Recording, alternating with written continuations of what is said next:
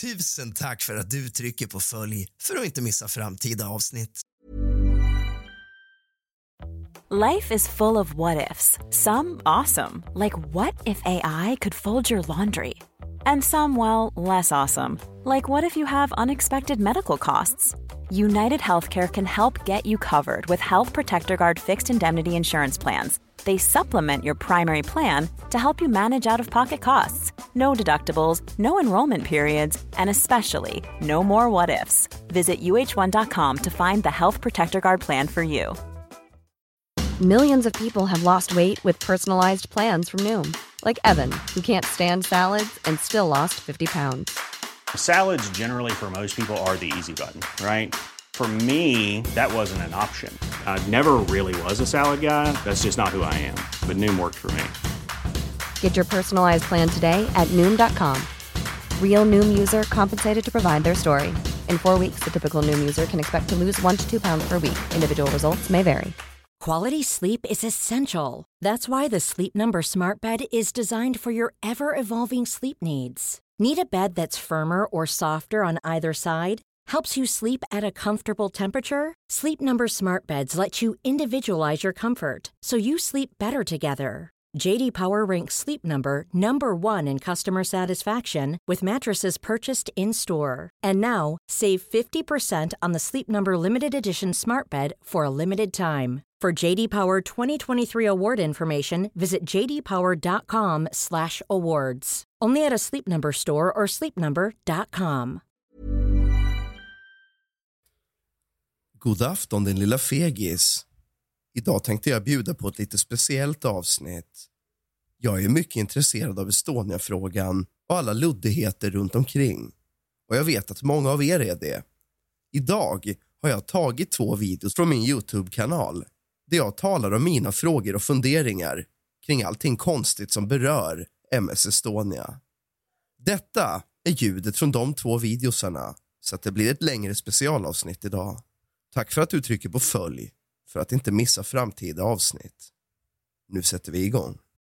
Alright allesammans. Och vart ska jag titta? Där ska jag titta. Hjärtligt välkomna tillbaka till, eh, ja men typ Rask V2, eller jag vet inte riktigt vad den här kanalen heter. Vad jag kommer kalla den än. Det återstår att se helt enkelt. Idag hörni, ska vi prata om Estonia. För att innan jag försvann ifrån Youtube så gjorde jag en hel del videos om Estonia och de var mycket omtyckta av många därför att jag belyste det ur ett lite annat hörn, ur ett lite mer konspiratoriskt hörn kanske eh, och sväva mer lite iväg i tankarna än, än vad eh, de som kör med Stone Cold Facts gör. Därför att jag är ju så pass foliehattig när det kommer till Estonia att jag tänker ju så här, men vilka är det som ser till att den här haveriutredningen ens kommer till från första början? Ja, vad har de för intresse och så vidare och manipulera och så vidare. Så att jag lägger inte för stor vikt vid det heller, utan jag tänker ju att det är en oberoende part som ska göra utredningen. Men skitsamma, utan nu är det så här att jag har lyssnat på en fantastisk dokumentär i poddformat som heter eh, Estonia och striden om kropparna, P1 Dokumentär. När jag sist gjorde videos om Estonia så var jag liksom helt övertygad om att någonting inte riktigt är som det ska. Att det är någon form av mörkläggning. Att oavsett vad, men att någonting har hänt. Någonting som regering och makter inte vill ska komma fram av någon anledning, vad anledningen nu än må vara. Eh, för allting tyder ju på det tyckte jag. Och sen har jag liksom hållit mig, inte hållit mig borta, men det har inte nyhetsrapporteringen stannat av och mitt intresse har svalnat och lite, lite sånt där. Och, och, då har jag gått in i mitt egna huvud och tänkt lite mer, ja, jag kanske nog inte tror att det är en mörkläggning. Varför trodde jag det nu igen? Varför skulle det vara det? Och så lyssnar jag mycket på mainstream medier och nyheter och så vidare. Och, ja, nej. Men sen så lyssnade jag på den här dokumentären idag och då kom jag tillbaka till exakt samma ståndpunkt som jag har haft hela tiden, nämligen att det kan inte vara någonting annat än en mörkläggning, någon som inte vill att sanningen ska komma fram därför att jag, under tiden som jag lyssnade på den här eh, dokumentären så, så, gick jag och mumlade för mig själv. nej, vadå det där? Och, och pratade jag bara, men jag har ingen att bolla det här med. Eh, jag saknade att bolla det här med er. Därför kommer det i alla fall en Estonia-video till att börja med. Kanske kommer fler och vi får se vart det leder. Eh, jag säger ingenting utan här kommer en Estonia-video. Det är det jag säger. Men vad, vad, vad, tror, tycker och tänker jag? När jag väl kommer tillbaka till ämnet så tycker jag nog så gott som, som jag gjorde sist. Jag, alltså jag, när man connect the dots och kopplar ihop allting här så tycker jag att det, det kan är det inte otroligt dålig kompetens som ligger bakom det så är det helt klart att det är någon som inte vill att någonting ska komma fram av någon anledning. Jag lyssnade på den här och tog anteckningar allt eftersom jag lyssnade och bara skrev ner saker som jag vill diskutera kring. Eh, jag skrev ner både citat ur dokumentären som jag vill prata runt, men så skrev jag även ner egna tankar som jag, som jag vill prata runt. Och det är min första anteckning är att polisen erbjuder sig alltså att gå ner direkt med undervattensrobotar för att söka efter kroppar i havet intill Estonias vrak. Okej? Okay? Men då är det då så att regeringen ska besluta om vem som ska få uppdraget av bärgning av kroppar och eventuellt vrak och sådär. Vem uppdraget ska gå till. Ska det gå till polisen eller ska det gå till Sjöfartsverket? Regeringen beslutar att uppdraget ska gå till Sjöfartsverket.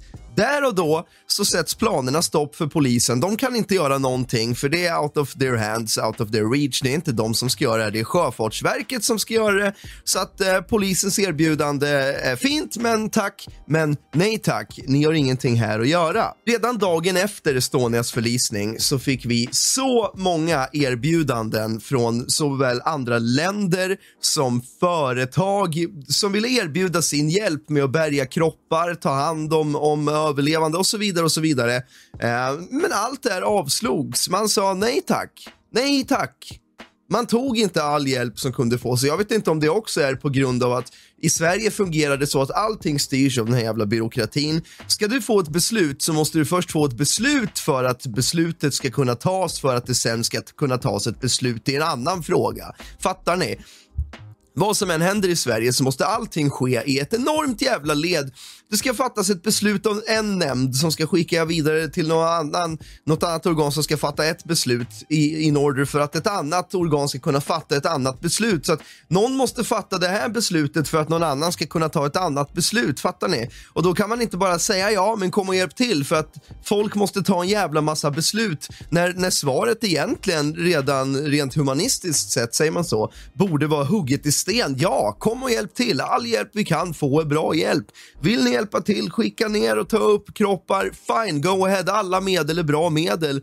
För att vad visar regeringen när man säger nej till allt och alla för de anhöriga som har anhöriga som ligger där nere eller för de överlevande? Visar man då att man gör sitt yttersta verkligen för att eh, nej, det tycker inte jag. Tycker ni det är att göra sitt yttersta?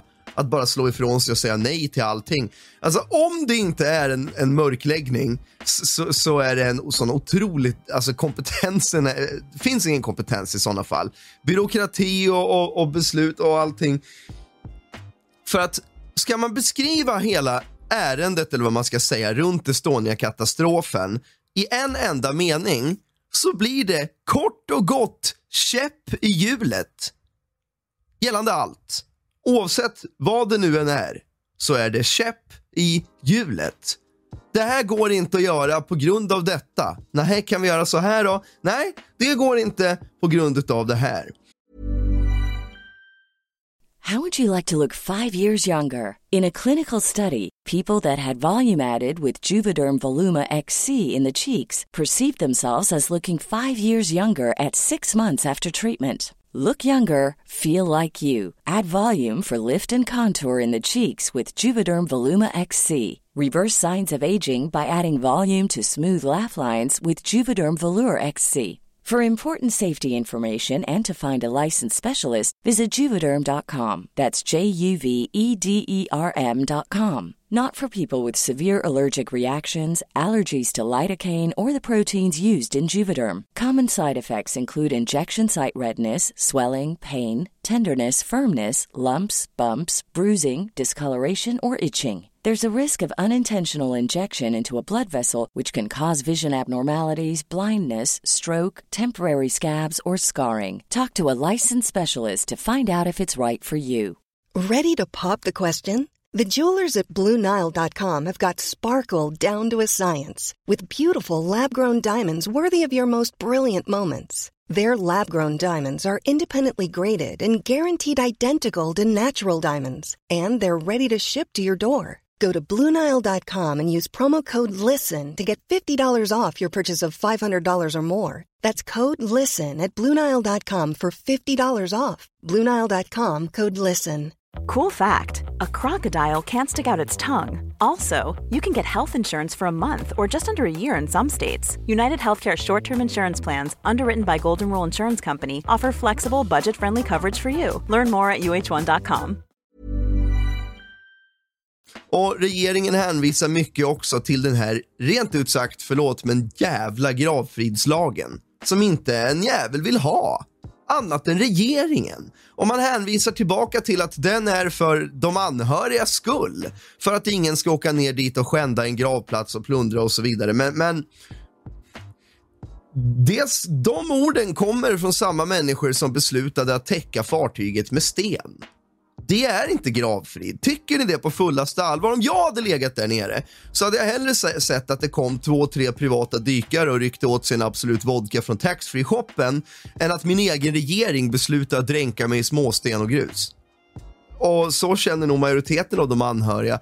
Och, och, nu ska jag inte tala för dem, men vad man, har för, vad man har förstått så vill ju den stora majoriteten av de anhöriga vill ju ha tillbaka sina omkomna varför hänvisar man till någonting som ingen ens vill ha från första början? Va? Vi fortsätter i mina anteckningar här. Sjöfartsverket i sin tur utser deras rättschef Johan Fransson. Han utses alltså för att förutsättningslöst utreda och föreslå för regeringen hur en bärgning ska kunna göras. De, de kommer då få besked om att fartyget inte ska bärgas, inte ens ett dygn efter att Estonia förlist. Och, och det fattar jag inte riktigt hur de menar med tanke på att, att Ingvar Carlsson sa att Estonia skulle tas upp senare efter detta. Efter då. Jag, jag, jag vet inte, så det där kan jag inte säga någonting om. Jag tycker bara att det var en otydlighet som jag ville belysa, för jag, jag förstod aldrig riktigt det där. Varför inte eftersöka och omhänderta omkomna? Varför inte?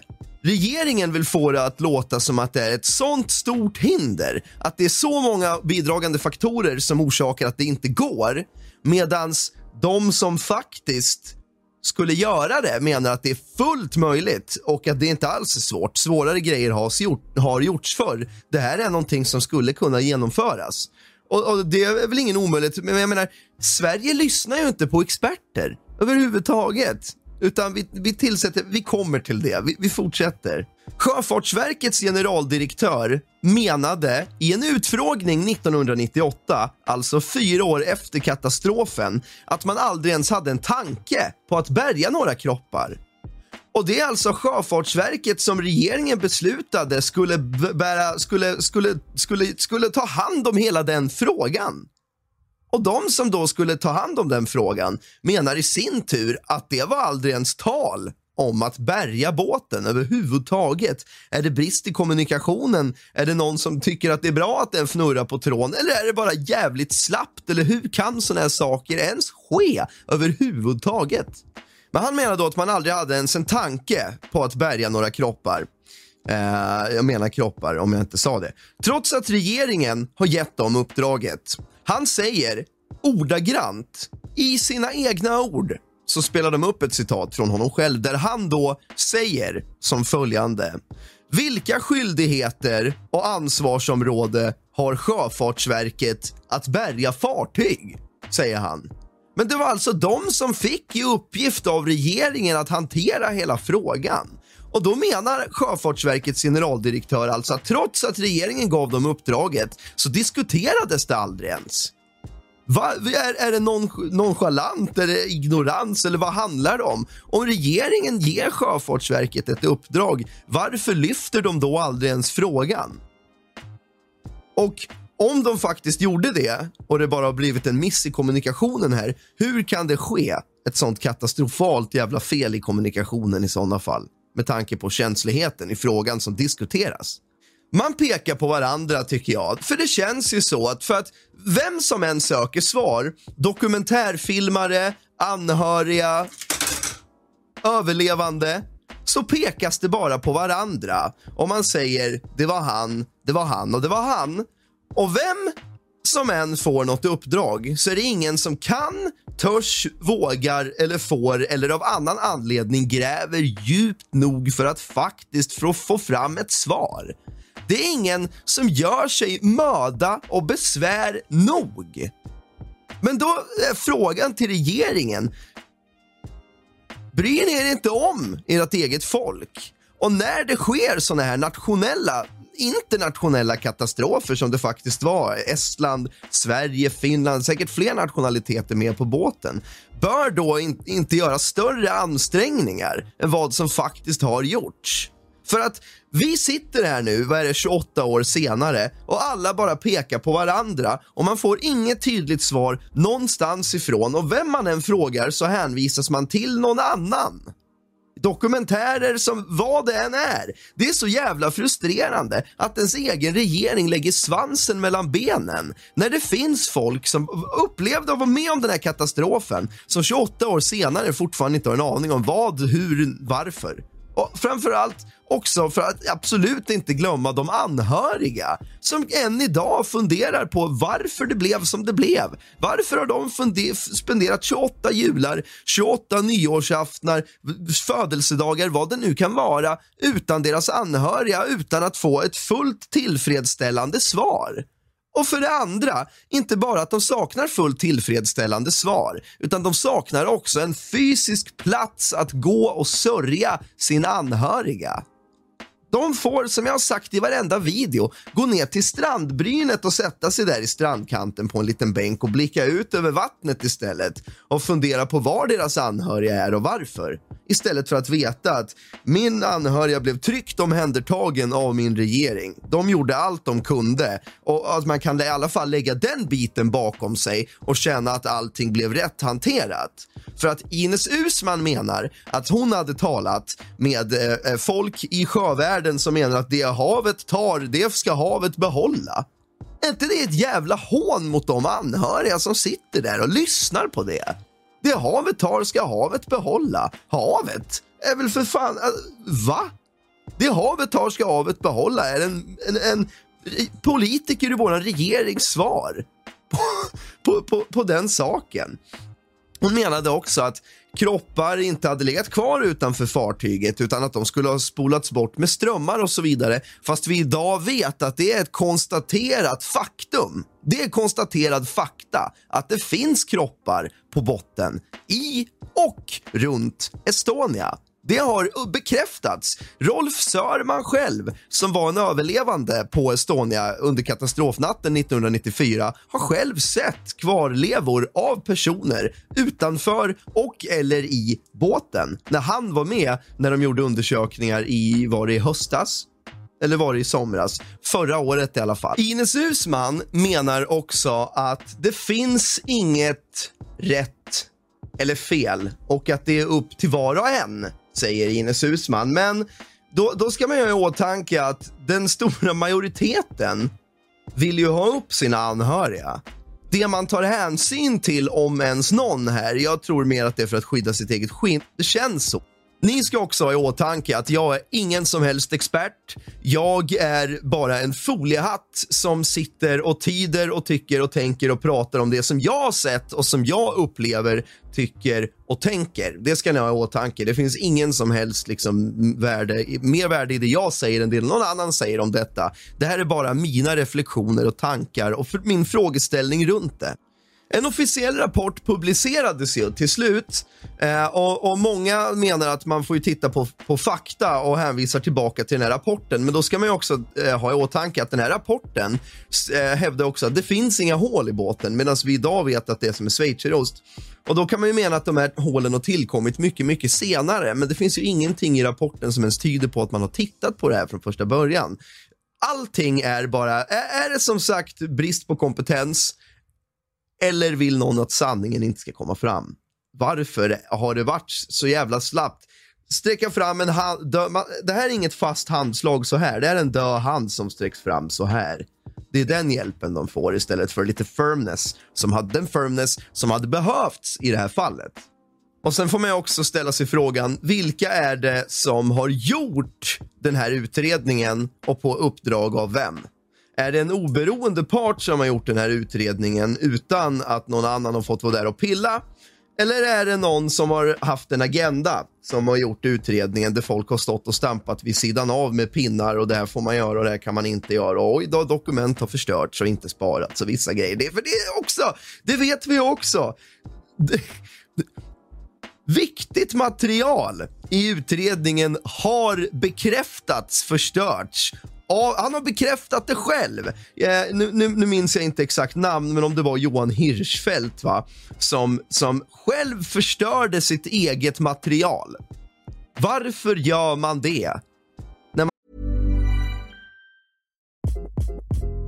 Hi, this is Craig Robinson from Ways to Win, and support for this podcast comes from Invesco QQQ, the official ETF of the NCAA. The future isn't scary Not realizing its potential, however, could be. Just like on the recruiting trail, I've seen potential come in many forms as a coach. Learn more at Invesco.com slash QQQ. Let's rethink possibility. Investco Distributors, Inc. Planning for your next trip? Elevate your travel style with Quince. Quince has all the jet setting essentials you'll want for your next getaway, like European linen premium luggage options, buttery soft Italian leather bags, and so much more. And is all priced at 50 to 80% less than similar brands. Plus, Quince only works with factories that use safe and ethical manufacturing practices. Pack your bags with high-quality essentials you'll be wearing for vacations to come with Quince. Go to quince.com/pack for free shipping and 365-day returns. Planning for your next trip? Elevate your travel style with Quince. Quince has all the jet setting essentials you'll want for your next getaway, like European linen, premium luggage options, buttery soft Italian leather bags, and so much more. And is all priced at 50 to 80% less than similar brands. Plus, Quince only works with factories that use safe and ethical manufacturing practices. Pack your bags with high-quality essentials you'll be wearing for vacations to come with Quince. Go to quince.com/pack for free shipping and 365-day returns. Han utreder en sån här viktig sak. Vad har man då för, för skäl till att förstöra det här materialet? Hans enda svar var väl att han ansåg att det var för det bästa. va? Det var väl det enda han svarade. Och min slutsats av det blir ju att oj då, då är det någonting som kan få konsekvenser för någon om det kommer fram.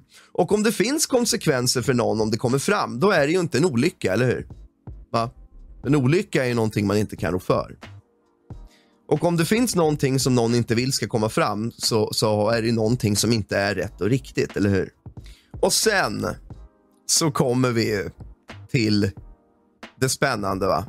Regeringen tillsätter ju ett etiskt råd. Okej? Okay?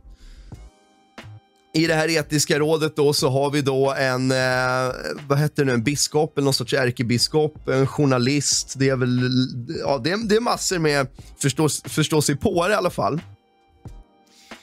De här ska då eh, ta ett beslut eller i, lämna sin rekommendering eller vad man ska säga till regeringen om de tycker att det är lämpligt att bärga vrak och eller anhöriga och så vidare. Då så får de först lyssna på ett föredrag, eller vad man ska säga, av eh, en representant ifrån Sjöfartsverket som kommer dit och talar om för dem att det kommer vara som en köttkvarn där inne och så vidare. Och, och sen ska de då fatta det här beslutet. För, för ha då i åtanke att de som sitter med i den här gruppen, det är alltså inte personal som skulle sköta bärgningen och, och, den personalen som faktiskt skulle göra jobbet. Utan det är journalister och biskopar och sådana här grejer som sitter och ska ge det här rådet. Man lyssnar aldrig ens på människorna som ska göra jobbet. De får aldrig ens tala. Utan man lyssnar på en grupp av människor som man själv har tillsatt för det är ju regeringen som tillsatte Sjöfartsverket som gav dem uppdraget. Och, och, så har man då tillsatt det här etiska rådet och etiska rådet får då lyssna på det här föredraget från Sjöfartsverket. Allting kommer ju tillbaka dit. Det, det, det, här som ska skötas va? Det, det är så det menas. Så hänvisas man till men en utredning har gjorts och det här har presenterats och så kan man inte säga något annat. Men vilka är det som har gjort det och vad har de för agenda och varför? Och fråga nummer två och, och, en enormt stor fråga som jag också tror belyses i eh, podden. Varför i hela fridens namn och hur kan det möjligtvis rättfärdigas att det inte utsågs en representant från de anhöriga eller överlevande att, att vara med i det etiska rådet? De här människorna som skulle sitta och ge de här rekommendationerna eller fatta de här besluten har inte ett skit med katastrofen att göra själva. De ska inte göra jobbet i, i, i någon, någon bärgning. De ska inte ta hand om kroppar. De har ingen personlig koppling till det alls, utan de är tillsatta av regeringen bara att sitta och lyssna och fatta ett beslut för att regeringen sen ska kunna peka tillbaka på den här gruppen och säga ja, men vi tillsatte ett råd av experter och de fattar ja, men experter är det ärkebiskopen som ska dyka ner och bärga kroppar då? För det menades ju också efter att man har lyssnat på traumaexperter och så vidare att räddningspersonalen som skulle göra det här jobbet skulle, skulle utsättas för enorma trauman för resten av deras liv. Fast det är en del av deras jobb. De är alltså utbildade för just denna sak, att oavsett omständigheter kunna göra det här jobbet och vara vad det krävs. Det är därför de ens har det jobbet från första början, för att de besitter den kompetens som krävs för att genomföra en sådan sak. En sådan sak som traumaexperter sitter och menar. Traumaexperter är, är väl kanske experter på människor överlag, hur de fungerar i trauman och sånt. Men då får man ju ha åtanke att eh, eh, auktoriserad utbildad personal som är ämnade för saken inte riktigt bör ingå i samma kluster och klunga av folk va? som de här experterna. Varför i helvete tar regeringen vägar runt? Varför går man inte direkt till berörd organisation eller företag eller vad det nu är och frågar fixar ni det här? Klarar ni av det här? Har ni vad som krävs? Svenska staten är väl inte mamma och pappa åt de här människorna. Nej, det här ska inte ni se, utan nu har det inträffat en internationell katastrof och vi har kroppar som behövs tas hand om. Vi har shit that needs to be done no matter what. För det är väl så det ska fungera, men inte här. Nej, det är ungefär som kravallerna. Det sköts inte skarpt. Åh nej, utan poliserna drog sig tillbaka. Ordningsmakten drog sig tillbaka. På grund av... Det, det ska ju inte fungera så i Sverige. Ingen annanstans än här hade det fungerat på, på, på de här sätten och att vi inte ifrågasätter det mer än vad vi gör. Och det spelar egentligen ingen roll hur mycket vi ifrågasätter för i Sverige har vi en regering som pusslar och, och lappar så pass att de kan styra som de vill utan att egentligen lyssna på oss. Vi har ett val där vi får gå och visa vad vi tycker och vi lever ju i en demokrati. Men, men när det väl sen kommer till kritan och vi ska få som vi vill så ser de till att hitta egna jävla konstellationer sinsemellan för att slippa lyssna på oss. Vad är det för demokrati? Vad är det för demokrati? I Sverige är det politikerna som bestämmer. De över huvudet på oss, sinsemellan mellan varandra. Du har ingenting att säga till om. Inte ens när du själv har upplevt en katastrof kan du lita på din egen regering. Då, du, hur, hur ska du kunna vara säker på, hur ska vi kunna vara säkra på vid nästa katastrof att det blir så här. Vi ska väl kunna känna tillit till vår regering och veta att de har gjort allt som står i deras makt för allas vårt bästa. Men det verkar ju mera som att allt det här handlar om att skydda sitt eget skinn, eller hur? Det är det allting pekar på. För att vad som än kommer fram. Nej, men de här dörrarna var stängda och bla bla bla. Sen visas det att de inte är det. Sen så kommer någon historia som slätar över allt. Det kommer alltid, vad som än kommer fram beträffande Estonia-katastrofen så kommer det en historia som kommer släta över allt. Dyker det upp någonting nytt förvänta dig att inom en inte allt för långt framtid, inom en överskådlig framtid, ganska snabbt så kommer det komma en förklaring av någon som slätar ut allting som låter jättebra, som många köper. Jag vet inte om folk bara har glömt alla de här grejerna. Eller varför, varför hur kan vi, för det vi gör är att sära på skinkorna och tillåta vår egen regering att, att, att uh, take us up the tailpipe egentligen. Och vi låter dem göra det och vi låter dem göra det gång på gång på gång. Regeringen gör en rapport angående konsekvenser av bärgning. Bland annat menas det att 800 kroppar som ska tas upp kommer börja ruttna när de kommer i kontakt med syret i luften, vilket skulle bidra till att skapa en odör i Stockholms skärgård. Okej? Okay? Man menar också att det finns risk för att bärgningspersonal skulle bli traumatiserad. Men då ska ni också veta att det lyftes faktiskt fram en detaljerad plan för hur båten faktiskt skulle lyftas utan att de döda skulle fara runt i och ur båten. Och båten, det fanns en detaljerad plan. Den skulle dras in mot Muskö och där få ligga kvar under vattnet för att förhindra att de döda kommer i direkt exponering med syret. Det fanns en detaljerad plan som skulle motverka det som de står och hänvisar och pekar på men vad är förklaringen till det i sin tur då? Det har vi aldrig fått svar på och det kommer vi kanske aldrig heller att få. Varför skulle vi få det? Om, om vi säger så här. Om vår regering var en person med alla de här egenskaperna, vad skulle den personen kallas? Tänk dig, som jag har skrivit här, någon som bara lyssnar på det man vill höra, skiter totalt i det vad, vad någon som kan säger, säger en sak men gör något annat. Hade ni velat ha den personen eh, som eran chef? liksom? För det är i princip det ni har. Men den personen är inte bara eran chef nu, utan den personen är din regering som kontrollerar hela ditt liv. Nutid, dåtid, framtid. Och det är många av dem som, som faktiskt tittar på det här nu som röstade fram den regeringen då, förr, nu och sen. För, för det är väl så det kommer bli igen. Inte för att det spelar någon roll hur vi röstar, för de kommer hitta en egen konstellation i alla fall. Någon decemberöverenskommelse eller någon juniförteelse eller någon sorts jävla augustimiddag eller vad fan vet jag. Eh, och, och, som, som gör att tack vare det så samarbetar man inte med ett visst parti eller utesluter någon annan trots att folket vill ha, ha sagt sitt det är demokrati i det här landet för er. Det är vår egen form av demokrati kanske man kan säga. Jag vet inte. Men det finns de som röstade fram den här regeringen som ändå sitter och klagar, men som ändå kommer rösta på, på, på den här regeringen i, i valet i höst igen. Jajamän!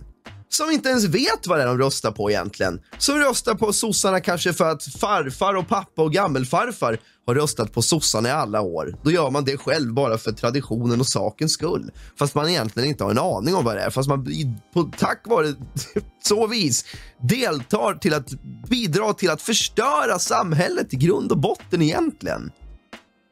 Va? ja, för vilka var det som tillträdde? När det här hände sen.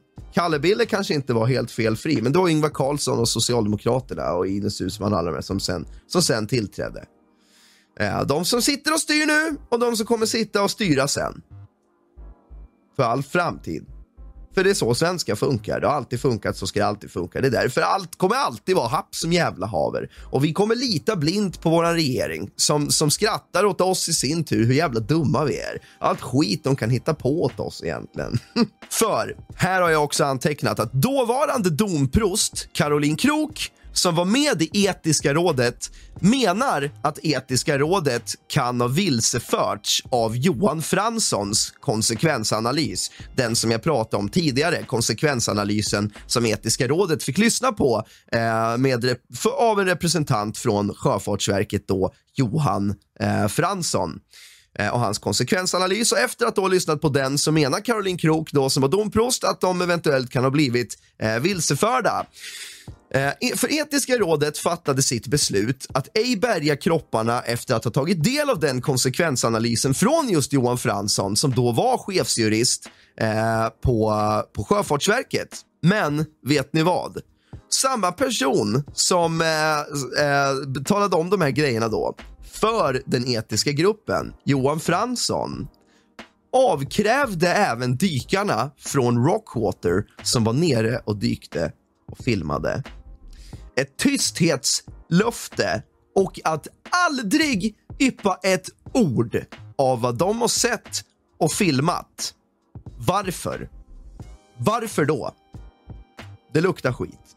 Samma person som har stått och, och, sagt att det är en köttkvarn inne på Estonia, att det här går inte att göra utan att traumatisera allt möjligt och räddningspersonal och det är köttkvarn och det är en jättesvår uppgift. Samma människa som sa det till etiska rådet som, som var tillsatt av regeringen och, och, och, och även den här Johan på Sjöfartsverket var ju också tillsatt av regeringen. Alla tillsatta av regeringen. Uh, han sa ju då även till de här dykarna att uh, shut the hell up. Och ni menar att det inte luktar skit eller? Omedelbart efter katastrofen erbjöd Sverige hjälp med allt möjligt från flera olika håll, från såväl länder som företag. Eh, alla förslag avböjdes. Varför? Byråkrati eller någon som vill lägga locket på, har jag skrivit här. Jag har också skrivit att hur man än vänder och vrider i denna fråga är det otroligt mycket som pekar skrikandes att det är något här som inte är som det ska. Ska man beskriva hela detta ärende i en enda mening blir det kort och gott, just som jag sa förut, käpp i hjulet. Det är verkligen det som beskriver hur det här har skötts bäst. Någon har satt käppar i hjulet överallt och sen har man bränt bevismaterialet. Men även när utredningen sen presenteras, den som håller på att göra, göras nu, vilka är det som gör den? Vilka är det som gör den?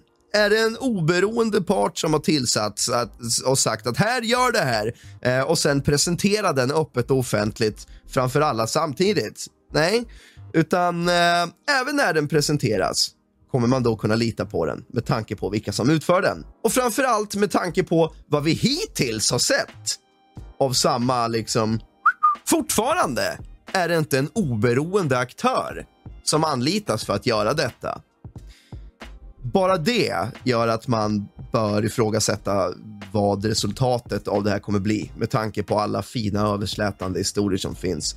Jag tycker att det är, eh, jag har en klump i magen för hur det här uh, har skötts. Jag har ingenting med Estonia att göra mer än att jag är en uh, intresserad entusiast för mig har det blivit lite Jack the Ripper över det, alltså det är mystik och spänning. För, för, för så är det för många som tittar på det här också, precis som med Palme, precis som med Jack the Ripper, eh, så är det även detta mystik och spänning för att det är oundvikligt och ofrånkomligt när man lämnar så här många frågor osvarade.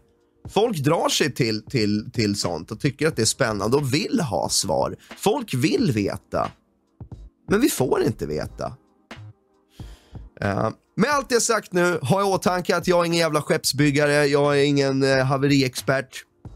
Jag är bara en bondlucki från Trosa som sitter här och pratar om hur jag eh, reflekterar runt de saker baserat på vad jag har hört och de punkter som jag kopplar ihop. Om du har tyckt om den här videon skulle det betyda otroligt mycket för mig om du trycker på prenumerera för att inte missa flera videos av det här slaget i framtiden. Jag kommer följa hela Estonia-grejen slaviskt. Jag kommer uppdatera er i framtiden. Jag har tidigare gjort intervjuer med eh, en kvinna som påstod sig vara överlevande. Jag har gjort en intervju med en anhörig vars mor omkom bevisligen. Jag har talat med en eh, dykare som enligt egen utsago var nere och dök under en hemlig operation på Estonia strax efter förlisningen. Jag har talat med en förståsigpåare och en sakkunnig, Erik Rådstam, som driver eh, också en bra grej, Estonia-katastrofen, som förlitar sig mer på fakta. Han är inte lika spekulativ som jag, men han kan vara intressant att följa eh, för att få lite balans i diskussionen, för att han står på andra sidan än vad jag gör. Men trots det så tycker jag att han och jag ändå har en fin balans och vi kan diskutera bra och skicka folk emellan varandra. För att jag tycker att det behövs motpoler i allt. Eh, om någon säger bu så behövs det någon som säger bä. Så att följ jättegärna Estonia-katastrofen på både Youtube och på Instagram för att få en motpol till mina galenskaper. För han förlitar sig mer på fakta. Den fakta som jag visserligen ifrågasätter, men jag tycker att han behövs i ett bra jobb. Men ha i åtanke hörni att in the end of the day så är jag bara någon som länge har varit intresserad av det här och eh, som länge har tyckt att det har osat skit redan innan Evertsson ens släppte sin dokumentär. Jag vet att jag har pratat om det här i videos redan innan den ens kom. Jag kommer följa det med stor spänning och entusiasm, eh, men fortfarande så får man som medborgare i Sverige en klump i magen när man ser hur det här har hanterats. För man tänker om vad, om det, om det drabbar en själv någon gång eller någon anhörig till en, så vill man ju veta att det kommer hanteras rätt och riktigt. Eh, och kunna ha historien som pekar tillbaka på att så är det. Men tyvärr så är det inte så nu.